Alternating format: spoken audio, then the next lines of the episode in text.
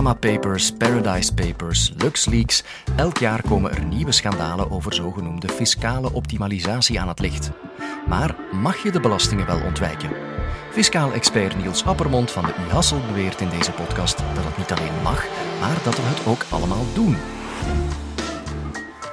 Dit is de Universiteit van Vlaanderen. Vooraleer ik er dieper op inga, zal ik eerst de vragen in het publiek gooien. Degenen die denken dat belastingontwijking legaal is, mogen hun hand omhoog steken.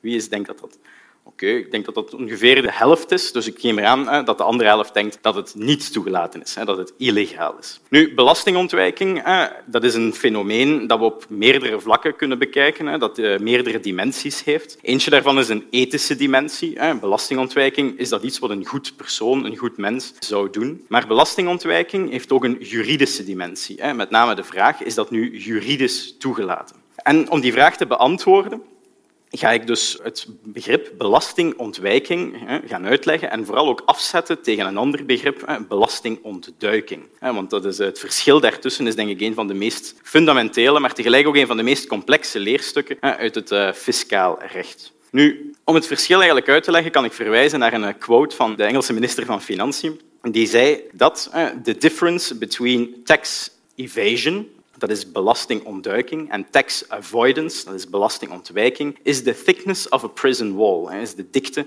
van een gevangenismuur. En er zit heel veel waarheid in dat citaat, want belastingontduiking, een synoniem daarvoor is fiscale fraude. Dat wordt zowel strafrechtelijk, door bijvoorbeeld boetes, gevangenisstraffen, als fiscaal, bijvoorbeeld door belastingverhogingen, gesanctioneerd. En wat is belastingontduiking? Belastingontduiking is het opzettelijk niet betalen van een verschuldigde belasting door een inbreuk te maken tegen de wet of de fiscale wet. We kunnen dat begrip afzetten tegen belastingontwijking. Belastingontwijking is ervoor zorgen dat de fiscale wet niet op jou van toepassing is, door je zodanig te gedragen of te organiseren dat de toepassingsvoorwaarden die in de fiscale wet staan opgenomen gewoon niet vervuld zijn. En in dat geval zal je dus ook de belasting niet verschuldigd zijn of zal eventueel minder belastingen moeten betalen, doordat je gewoon voor hebt gezorgd dat de wet niet op jou van toepassing is. Nu, dat verklaart ook dat onderscheid waarom dat belastingontwijking, in tegenstelling tot belastingontduiking, in principe legaal is.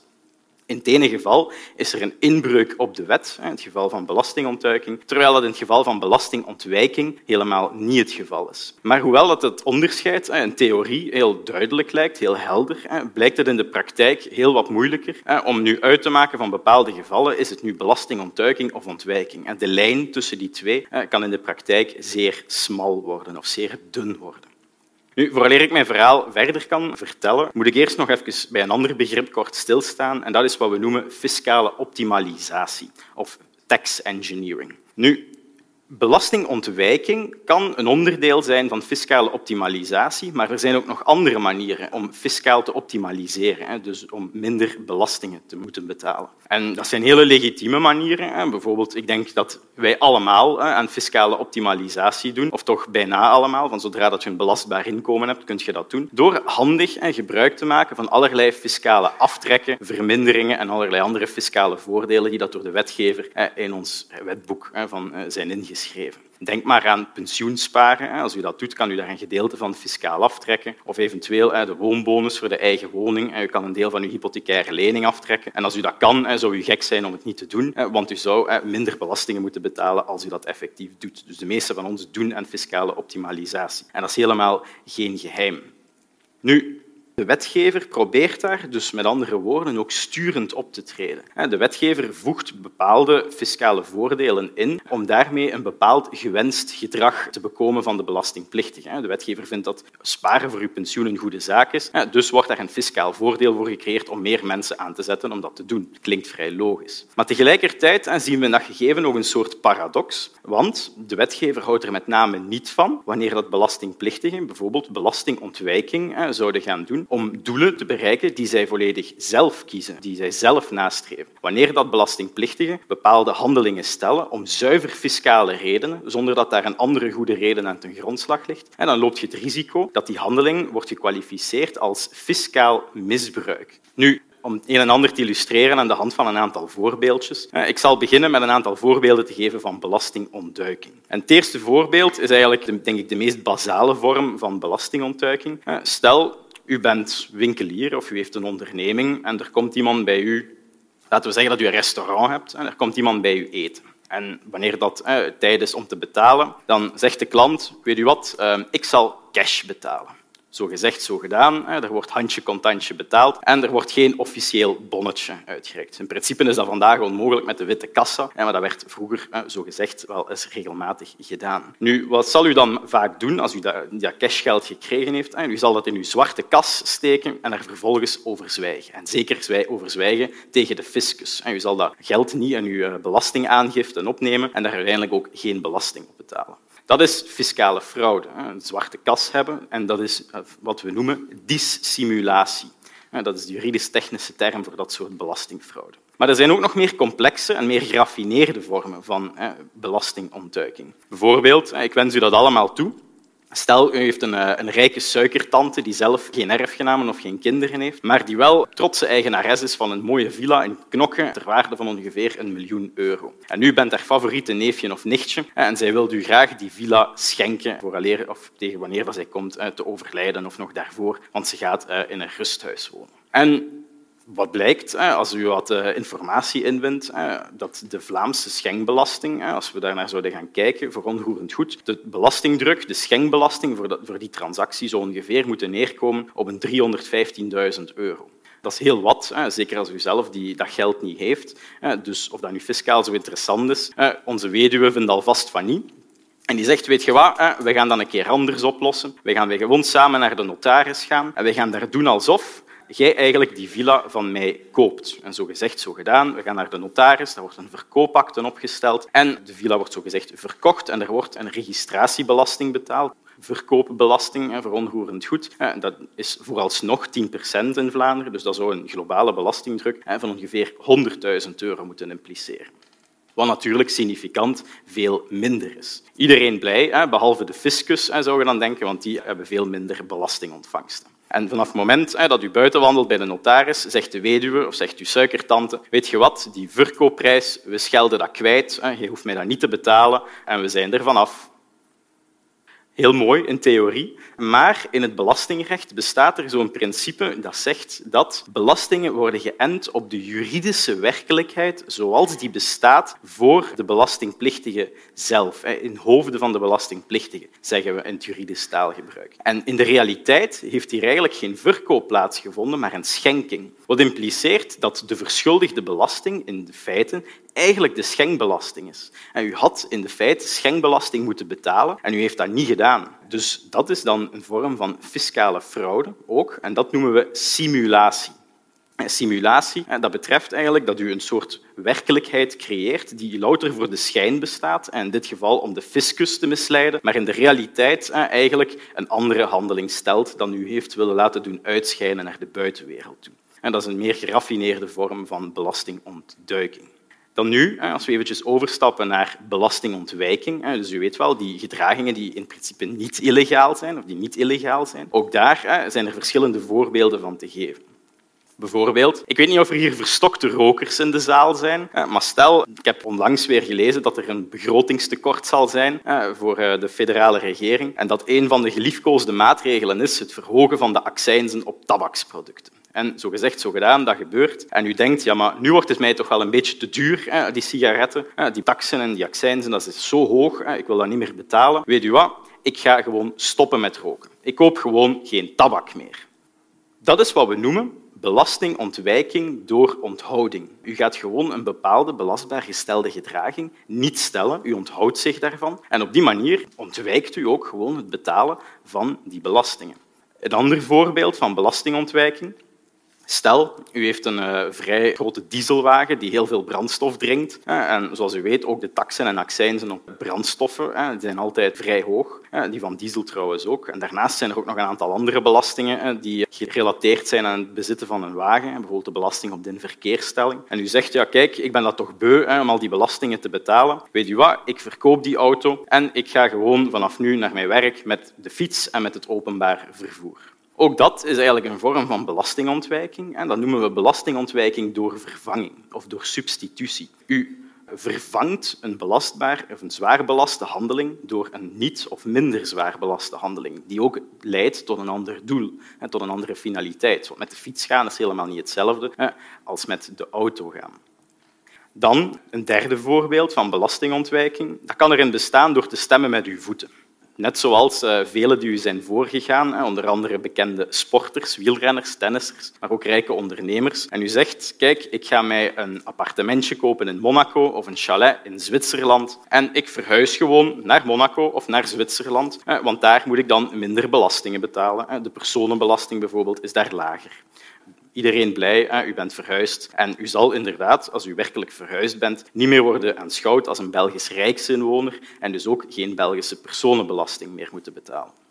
Maar dit soort situaties zijn een type voorbeeld van de gevallen waarin dat de lijn tussen belastingontwijking en belastingontduiking vrij dun kan worden. Want indien bijvoorbeeld zou blijken dat u weliswaar een appartement heeft gekocht in Monaco, dat u daar gedomicilieerd bent, maar dat u eigenlijk in de praktijk nog heel vaak, of bijna meestal, in België bent, hier uw sociaal leven heeft, uw kinderen hier naar school brengt, van hieruit uw bankrekeningen beheert, dan zou de fiscus wel eens kunnen zeggen ja, maar in de realiteit bent u helemaal niet verhuisd. In de realiteit woont u gewoon nog steeds in België. En dat betekent dat u eigenlijk Belgische personenbelasting moet betalen, want u bent wel degelijk Belgisch rijksinwoner. En ja, als u dat natuurlijk dan niet gedaan heeft die jaren, in de veronderstelling dat u toch niet verschuldigd was, maar wetende toch dat u eigenlijk in België woonde en verbleef, dan is er mogelijk opnieuw sprake van simulatie. U heeft de fiscus op het verkeerde been willen zetten met uw valse verhuis. En dan kan het dus zijn dat u zal worden beticht opnieuw van belastingontduiking of van fiscale fraude. Dus de vraag waar het op aankomt is, wat is nu een echte verhuis? En dat is iets wat fiscale advocaten en andere adviseurs toch wel wat zorgen kan baren. Is de vraag, als we zoiets gaan organiseren, hoe zorgen we ervoor dat de realiteit ook datgene is zoals we het willen laten doen blijken op papier? Die twee moeten overeenstemmen.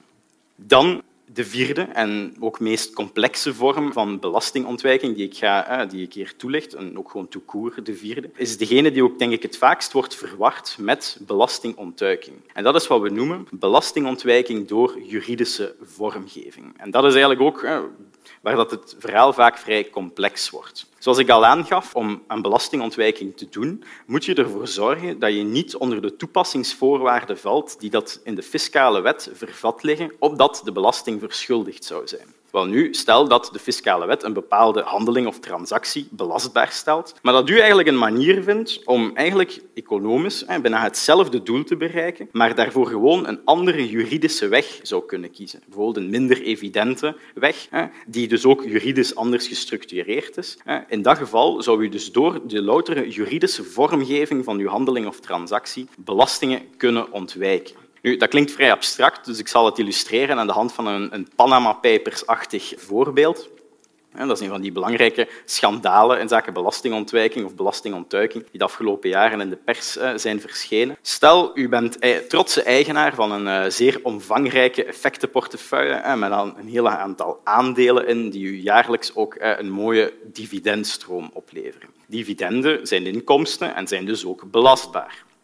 Stel nu, u zegt, die belastingen, ik ben dat beu. Ik ga in het buitenland, in een of ander belastingparadijs of een zonnig eiland, ga ik een een of andere juridische entiteit oprichten, een offshore vennootschap of een trust of iets gelijkaardigs. Ik stel een lokale bank of advocaat aan als beheerder. En wat ik vervolgens ga doen, is dus noods via een aantal tussenstappen of rechtstreeks de eigendom van mijn effectenportefeuille gewoon overdragen aan die vennootschap of eh, trust of welke andere entiteit dat ook mogen zijn. Dat betekent dat u de eigendom van die aandelen verliest. De eigendom zal dan toekomen aan die entiteit, met als gevolg dat ook alle inkomsten die die aandelen genereren, zullen toekomen aan die entiteit. En op een of andere manier kan u er dan wel voor zorgen dat nu of later uzelf of uw kinderen of iemand anders die inkomsten wel ooit dan weer zal genieten. Op een of andere manier, belast of onbelast. Daar kunnen creatieve oplossingen voor worden gevonden soms, maar dat is de andere kant dan van het verhaal.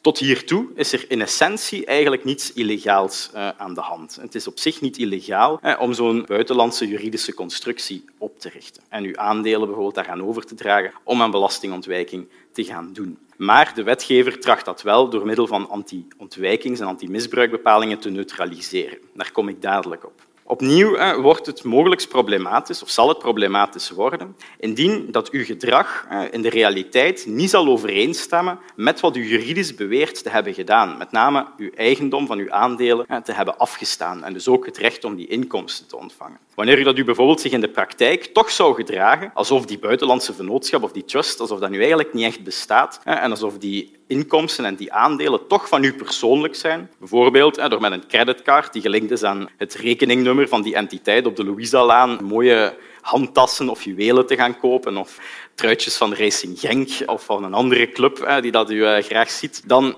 loopt u het risico dat opnieuw dat de fiscus, wanneer dat ze daarachter zouden komen, gaan zeggen, kijk, die inkomsten en die aandelen, u doet in de realiteit alsof dat toch van u persoonlijk is. U respecteert het bestaan en de gevolgen van uw eigen juridische keuzes niet. Want die, die aandelen zijn niet langer van u. Die inkomsten zijn niet langer persoonlijk van u. Dus u mag u niet behandelen alsof die van uzelf zijn. Door dat te doen, bewijst u eigenlijk dat het opnieuw om een geval van simulatie gaat. Die constructie bestaat in de realiteit niet echt. U bent nog steeds gewoon titularis, eigenaar van die aandelen en van die inkomsten. En als u daar geen belasting op heeft betaald, gaat het opnieuw om belastingfraude, belastingontduiking. Dus opnieuw een dunne lijn, eh, mogelijk in de praktijk tussen de twee. Maar daarnet heb ik gezegd dat zelfs indien er geen fiscale fraude voorhanden is, het toch kan zijn dat het belastingvoordeel dat door het ontwijkend gedrag wordt gesteld door de wetgever wordt geneutraliseerd. En de Belgische wetgever heeft dat ook gedaan, of toch minstens gepoogd te doen. En dat is wat we kennen als de Cayman-tax. Nu, de Cayman-tax is een heel complex fiscaal regime dat er onder meer op gericht is om die vormen van belastingontwijking fiscaal te gaan neutraliseren. Nu, de Cayman-tax zelf is heel complex, maar op wat komt het eigenlijk neer in de praktijk? Die buitenlandse juridische entiteit is eigenaar van die aandelen en verkrijgt dus ook de inkomsten die daarmee gepaard gaan of die daaruit voortvloeien. Dat betekent dat u, de Belgische belastingplichtige, die eigenlijk niet meer krijgt of niet meer persoonlijk ontvangt. Wat doet de Cayman-tax nu? De Cayman-tax zorgt ervoor dat een persoon, een Belgische belastingbetaler, die als oprichter van een buitenlandse juridische constructie kan worden beschouwd, belast wordt op de inkomsten die door de juridische constructie worden verkregen, alsof die inkomsten door onze belastingplichtige zelf verkregen zouden zijn. Dus het gaat om een alsof, een soort fictie. Er worden nu inkomsten toegerekend die eigenlijk toekomen bij die buitenlandse entiteit die dat u hebt opgericht. Op die manier wordt u dus gewoon belast op die inkomsten alsof u die zelf zou verkregen hebben en is het fiscaal voordeel dat u trachtte te bekomen, de ontwijking, geheel teniet gedaan. En dus dat is gewoon maar één voorbeeld van hoe zo'n anti-ontwijkings- of anti-misbruikregime kan werken.